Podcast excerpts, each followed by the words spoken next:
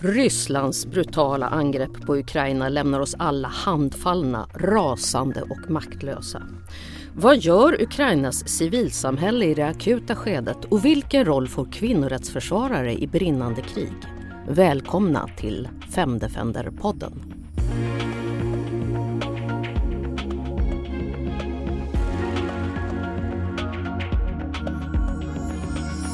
Ja, vi har kastat alla manus och ska istället prata om situationen i Ukraina.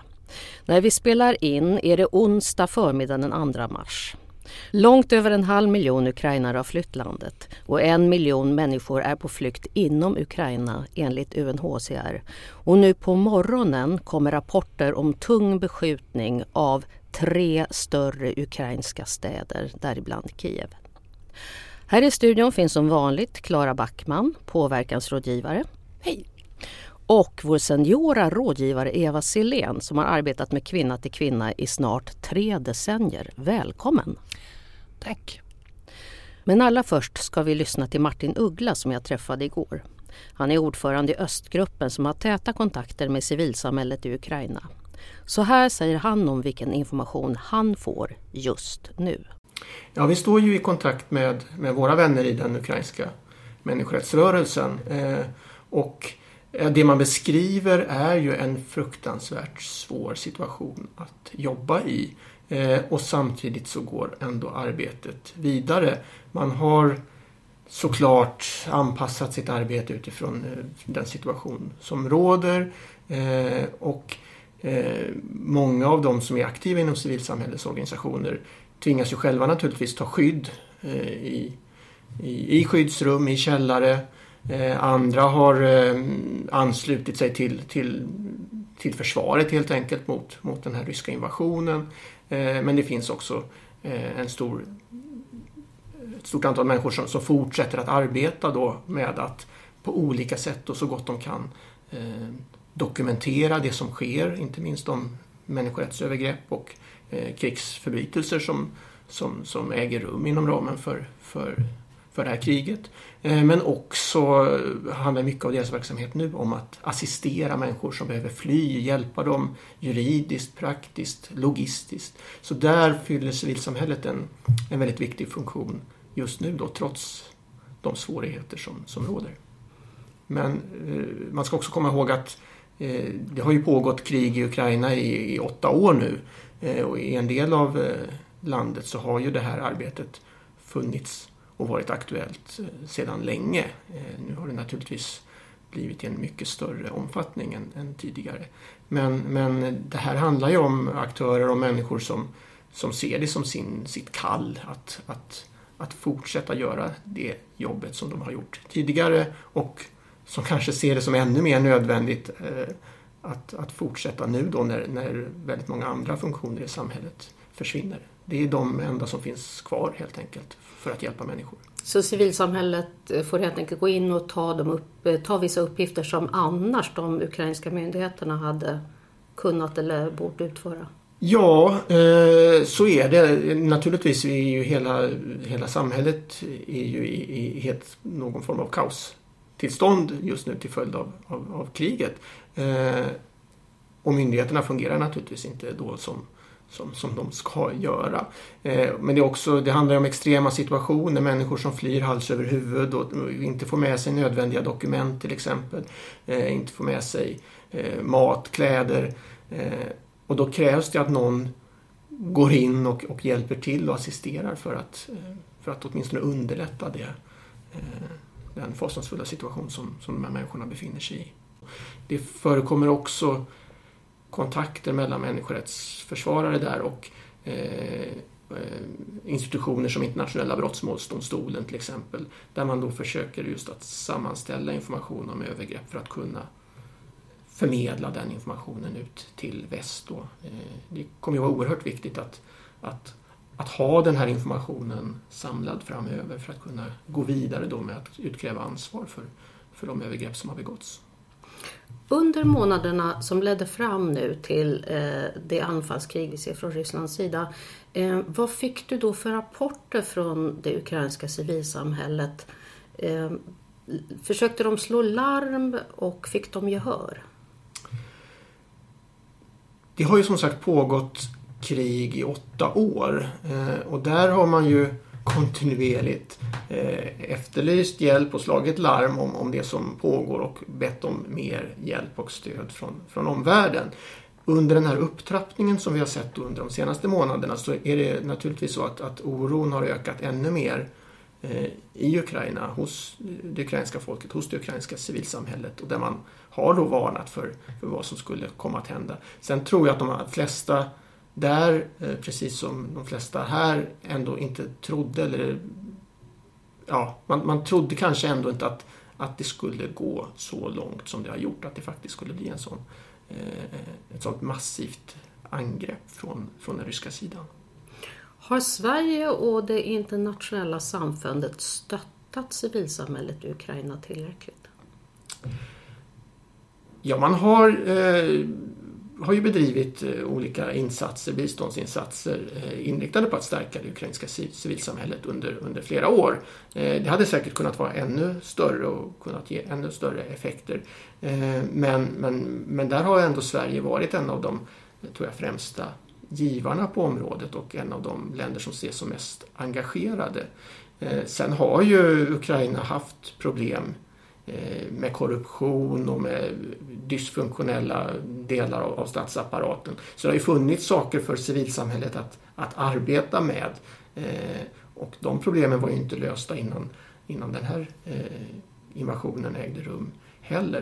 Men jag skulle säga att, att, att Sverige ses nog som en, en, en stark vän av, av, Ukraina just för att man har faktiskt satsat mycket. Jag tror att, att stödet till det ukrainska civilsamhället har funnits där och det har varit viktigt. Jag hade gärna sett att det var ett ännu större fokus på det. Eh, men, men, eh, men det har definitivt eh, funnits ett starkt stöd från Sverige. Civilsamhället i Ukraina är ju ungt. Hur starkt är det? Det är ett ungt civilsamhälle och vi har ju sett hur utvecklingen i Ukraina har gått i vågor genom åren. Vi har haft en orange revolution eh, i början av, av 2000-talet. Eh, där man då sen började bygga upp ett, ett, ett, en fungerande stat och även ett livaktigt civilsamhälle som kunde då spela en, aktiv, en proaktiv roll i, i byggandet av ett demokratiskt Ukraina. Sen föll man tillbaka i en, Eh, i en svårare situation igen och så såg vi utvecklingen 2013-2014 med den nya revolutionen då, eller Majdan, eh, Euromajdan som man kallade det. Ehm, därefter fick civilsamhället lite grann börja om på nytt och konsolidera sig. Många av de som hade jobbat inom civilsamhället fick då roller i, i, i statsapparaten. För det var till civilsamhället som, som de, de goda krafterna hade förpassats under de mer svåra åren. Eh, nu har man byggt upp ett, ett livaktigt civilsamhälle skulle jag säga under senare år. Eh, men samtidigt, återigen, vi har haft en situation med, med eh, krigshandlingar under åtta år som också har präglat både civilsamhällets möjligheter att verka men också naturligtvis alltså statsapparatens funktionsduglighet. För man har ju fått lägga oerhörda resurser på att hantera den här eh, långvariga då, eh, aggressionen från, från det, den ryska sidan. Och det kostar ju resurser och det eh, har gjort det svårare för alla sidor helt enkelt att, att, att åstadkomma den här fungerande staten som man, som man, som man ändå eftersträvar. Tycker du att det ukrainska civilsamhället har blivit tillräckligt lyssnat på? Jag upplever väl att i Ukraina så, så, så har ändå civilsamhället eh, fått spela en roll.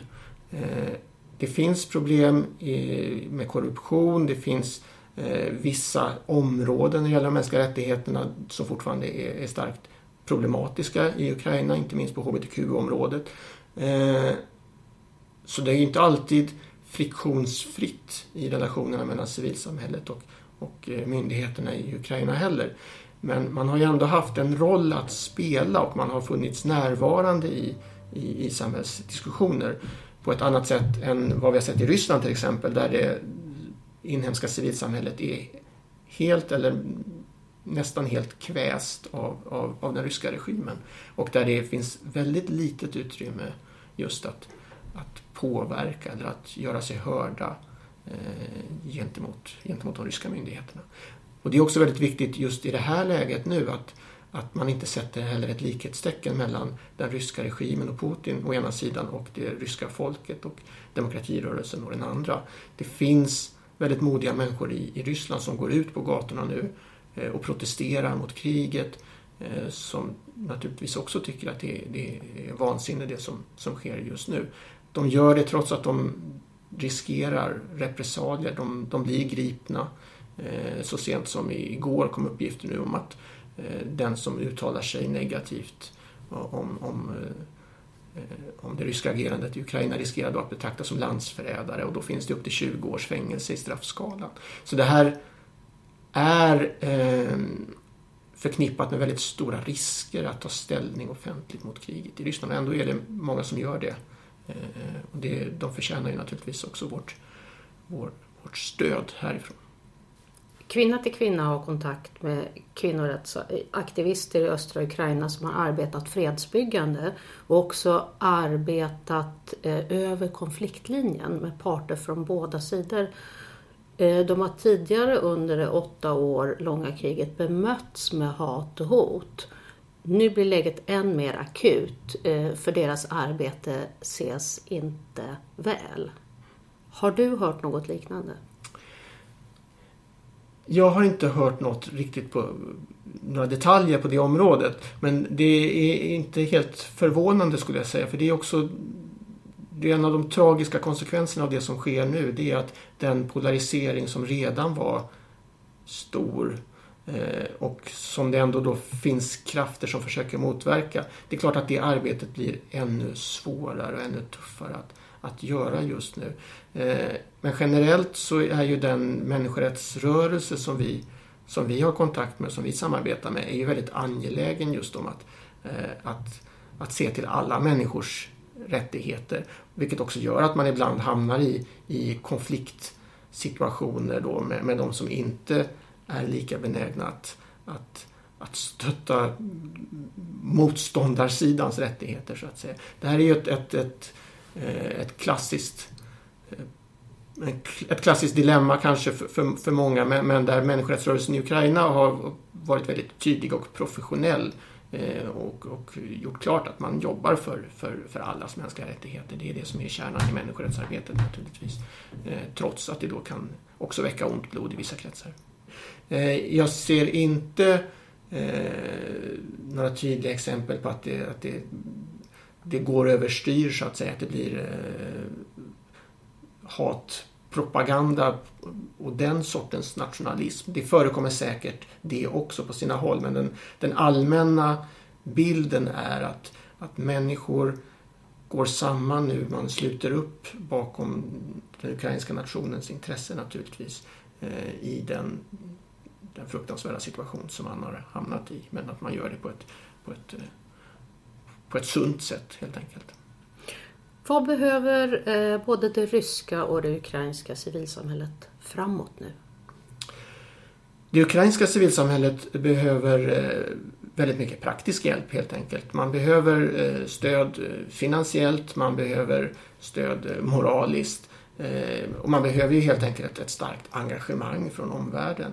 Eh, inte minst eh, i den här situationen där, där just nu hörde jag att en halv miljon människor är på flykt. Då behövs det också hjälp och den hjälpen har man tillgång till men det kan säkert behövas mycket mer också av till exempel kollegor i, i Polen då i första hand kanske som, som hjälper till att eh, möjliggöra eh, människors flykt på ett, på ett eh, så humant sätt som möjligt. Eh, det kommuniceras, man planerar tillsammans. Eh, dels så skickas då humanitär nödhjälp till, till krigsområdet men, men det sker också en, en, en logistisk planering för hur transporter kan, kan arrangeras då i första hand till västra Ukraina och sen vidare till, till gränsen mot, mot Polen. Så där finns det ett, ett väldigt starkt hjälpbehov hos det ukrainska civilsamhället. Eh, när det gäller det ryska civilsamhället så finns det också ett väldigt starkt hjälpbehov och det handlar ju om att eh, vi härifrån ska kunna eh, ska kunna fortsätta stötta deras verksamhet. För det är oerhört viktigt att de här eh, kritiska rösterna ändå kan göra sig hörda i den mån det är möjligt. Att de kan fortsätta verka. Ehm, och krigshandlingarna nu har också lett till en ytterligare en ny våg av repression inne i Ryssland. Det handlar just om människor som protesterar och då blir fängslade på grund av det här. De behöver också få sina rättigheter försvarade av någon. Så det finns ett, ett, ett starkt behov av att, att stötta den ryska demokratirörelsen i, i det här läget. Eh, det behovet har, har blivit mycket större än, än tidigare. Eh, och det var problematiskt nog som det var redan innan i, i Ryssland. Men, men, men nu ser vi en ännu tuffare situation helt enkelt där. Och det är ju oerhört viktigt då att, att omvärlden ställer upp och just ser skillnaden då mellan den här demokratirörelsen som ju vill någonting helt annat än det som, som Putin står för. Sa alltså Martin Uggla, ordförande i Östgruppen som arbetar med civilsamhället i Ukraina och Ryssland. Ja, de är alltså fullt upptagna med att organisera akuta uppgifter som att hjälpa människor på flykt och ordna förnödenheter. Är det här vad kvinnorättsförsvarare också först gör när det blir krig? Klara Backman?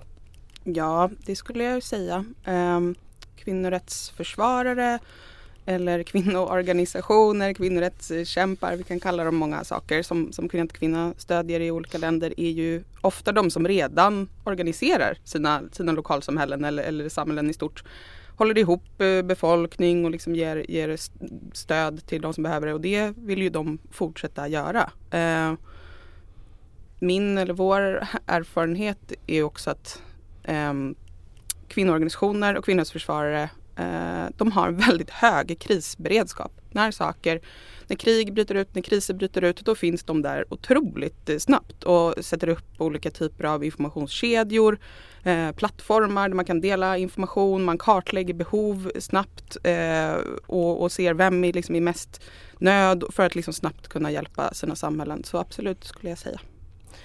Nu ska jag betona att vi har ju inga uppgifter inifrån Ukraina om hur det står till för kvinnor, kvinnorörelsen och kvinnorättsförsvarare där just nu. Så att vi talar alltså bara generellt just nu. Eva, du har ju sett eh, mängder av konfliktsituationer. Vad är din bild? Är det det som Klara säger? Händer det annat också? Ja men jag tror att det är, det är precis som Klara säger. Aktivister är sjukt snabba på att ställa om. Eh, de har en beredskap och jag kan ju säga så mycket att även om inte vi har partners i Ukraina så har vi ju kontakter där. Och där kan man ju verkligen se hur de dundrar ut. Det här är behovet nu det är en otrolig fart på deras organisering. Är man i Lviv så gäller det att stödja väldigt många av de som kommer och flyr och försöker lämna. Är man i Kiev så finns det hela tiden olika eh, länkar på Facebook om var man, kan, var man kan gå om man behöver stöd och för att man inte ska vara ensam.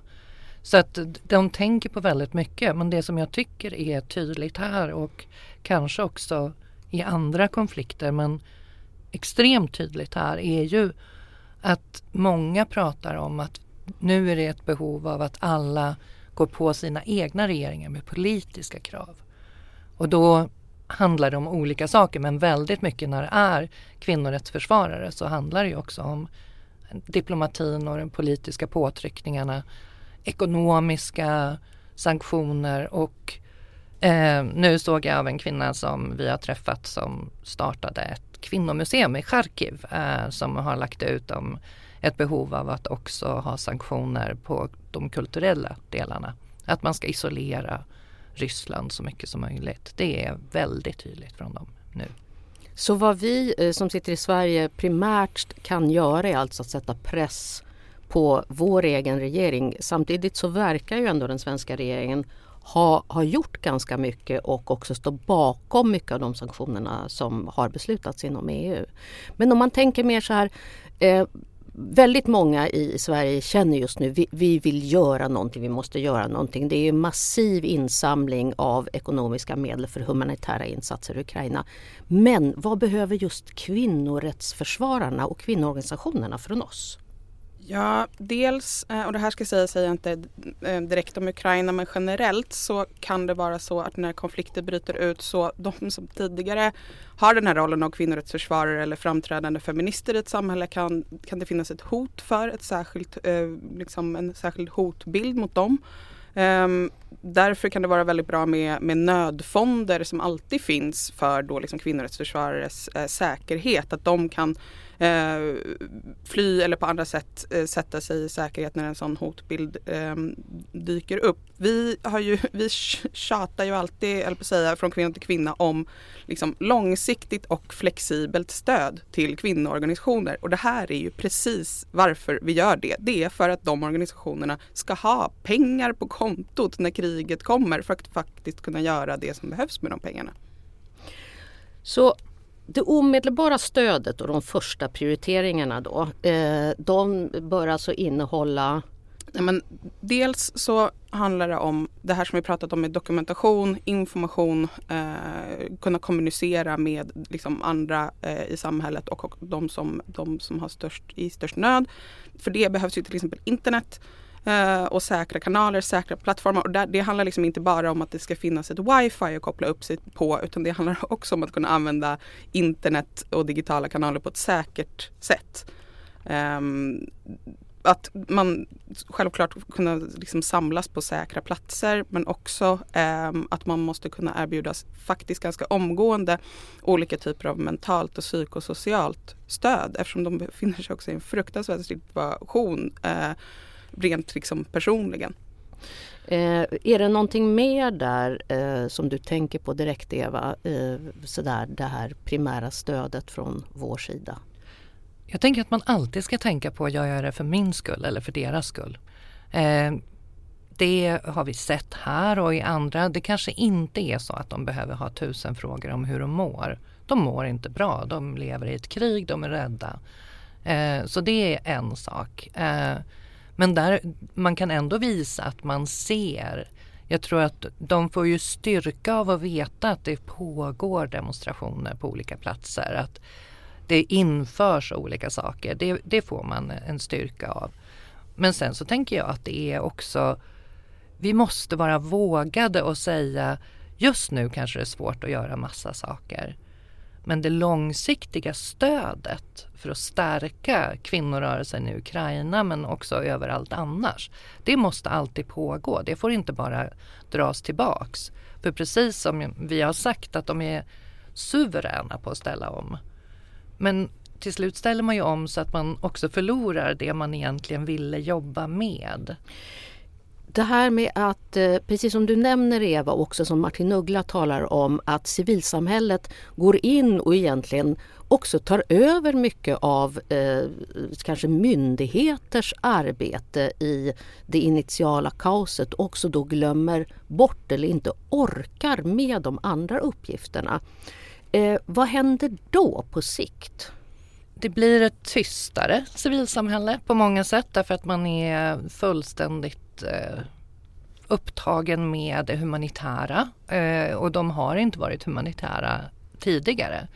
Det är många frågor man inte kan prata om och sen ska man ju komma ihåg och det sa ju Martin också, men jag tycker att det är viktigt att säga att det här kriget har hållit på sedan 2014.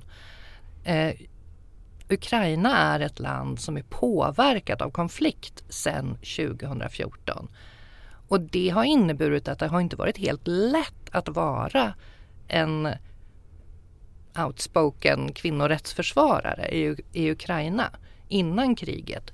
Nu är de ju där och nu visar de att de står enade och vi hjälper till. Men kommer de att kunna gå tillbaks? Det är klart till att vara den där rösten som ändå kräver förändring och rättigheter för alla. Det kommer ju bli svårt det har redan varit svårt där och jag vet att man bara ska säga stöd men det har varit svårt att säga någonting ont om den egna militären. Eh, vad det gäller när de kommer hem och kanske har PTSD eh, våldet i familjerna som man har sett har ökat men man har varit helt tyst om. Eh, allt det där tror jag finns i bakhuvudet hos några av dem som vi känner men i dagsläget är man ju väldigt tyst. Så när, när vågar man? Jag tror det är också så att presidenten har ju lyckats väldigt bra i att ena och komma ut med tal. Det betyder ju också att det kommer att vara jättesvårt för en lång tid om det går bra eh, och han sitter kvar. Då kommer man ju inte kunna säga så mycket emot honom.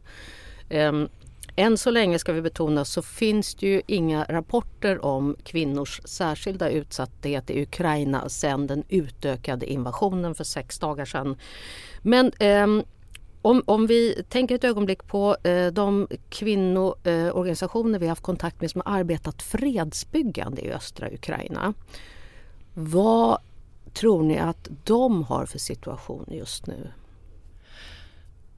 Vi vet ju att några har lämnat som har jobbat med de frågorna. Och jag tror att det finns en anledning varför de har lämnat. Att oavsett om de också kan säga att man står upp och man står för Ukraina och man kräver eh, diplomatiska eh, sanktioner på alla och ekonomiska sanktioner och allting idrottsliga, kulturella.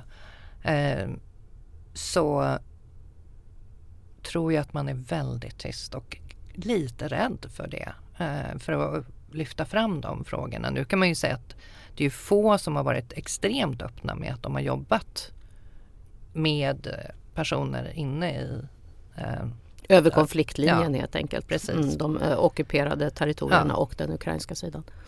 Men, men jag tror att de är rädda. Eh, och jag tycker att det känns skönt när jag vet att de har lämnat några. Klara, eh, kan du säga någonting om vad brukar hända under krigs, eh, då, man säger så utökade krigstillstånd med eh, till exempel kvinnor som har arbetat fredsbyggande tidigare? Hur brukar man se på dem? Jag tänker att eh, kvinnorättsförsvarare som arbetar för, för, för fred och, och försoning när en, en konflikt bryter ut eh, är det otroligt svårt att stå emot ett, ett militaristiskt eh, narrativ ehm, och en, en, en nationalistiskt narrativ som vi ju i allra högsta grad ser i Ukraina nu. Um, och att det är väldigt, väldigt svårt att vända det. Uh, vi kan ju se även faktiskt i den svenska kontexten hur budskap som, vi, som var helt okontroversiella uh, för en vecka sedan nu är, tolkas på ett helt annat sätt om man pratar om fred, om man pratar om nedrustning och man säger ner med vapnen. Det får en helt annan innebörd idag och det är liksom hos oss i Sverige. Så man kan ju bara tänka sig hur det är för, för kvinnorna som säger de här sakerna i de faktiska konfliktländerna. Mm. Eva Silén. Vi har sett det nästan överallt att det, det kan leda till sprickor. Man ska ju också komma ihåg att men vi, vi får ju höra jättemycket om att det är ett informationskrig och vi ska verifiera vad vi har sett. Men de här lever i länder där det, man kan ibland tro att man inte, min, min egen regering utsätter väl mig inte för propaganda men det är alltid propaganda i krig. För det är en del av eh, krigsnarrativet. Så man blir ju påverkad av det. Och vi har sett ända sedan Kvinna till kvinnas start eh, då var det en stor eh, delning av kvinnorörelsen i Kroatien mellan de som blev mer nationalistiska och de som stod kvar liksom, på att vägra bli kroatnationalist. Eh, och de hade det väldigt svårt direkt. Och det där har vi ju sett återupprepas överallt i stort sett. Man blir, man blir ju anklagad för att vara förrädare när man jobbar med fredsbyggande även när det inte är brinnande mm. krig. Och då blir det ju än värre. Eh, och det är där också som gör att det blir sån otrolig eh, anspänning för dem som, tar, som fortsatt tar ställning för antinationalism, för, som är uttalade feminister och pratar om allas rättigheter. Det blir ju fruktansvärt svårt för dem att kunna andas någonstans. Klara, eh, om vi återvänder till vad eh, kvinnorättsförsvarare behöver. Vi har redan pratat om att det eh, liksom akuta humanitära arbetet kan komma att ta över. Vad behöver de på mellanlång sikt om man kan tala om något sånt? Alltså, vi, vi pratar om det här, vikten av business mm. as usual. Mm. Nej, men och det, det är lustigt att prata om det här på kort och mellanlång och lång sikt. Även om det är såklart så det måste fungera i praktiken så är det som att det måste vi också börja planera för nu. Vad ska hända? Om, om liksom inom några månader eller, eller något liknande. Och det handlar ju dels om det här som vi pratade om innan att stödja organisationer och, och kvinnor i civilsamhället um, att komma ihåg sin roll i det politiska och inte bara i liksom, det humanitära stödet. Att upprätta kontakter och nätverk eh, både bland kvinnor i Ukraina och de som har flytt därifrån så att man kan så att säga hit the ground running så fort det finns en process att haka i som innebär fredsförhandlingar och fredssamtal. För vi vet ju hur otroligt snabbt och lätt det går att exkludera kvinnor från de processerna. Ja, bilderna från de fredsförhandlingar eller försök till fredssamtal som har varit hittills, de har ju varit talande. Eva? Ja, det har väl varit bara män på dem. Så, så att kvinnorna ska få sina röster hörda är ju otroligt viktigt. Och om man nu också pratar, då skulle jag också vilja lägga till, för jag fick frågan senast igår, men om kvinnorna ska vara med, vilka representerar de? Och man får ju ganska sällan samma fråga om män. Och om vi går tillbaks till början när vi sa kvinnoorganisationerna är de som är sjukt snabba på att ställa om, de är ute, de kollar vad det finns för något behov. De har ju mycket svar på vilka frågor man behöver diskutera vid olika förhandlingar.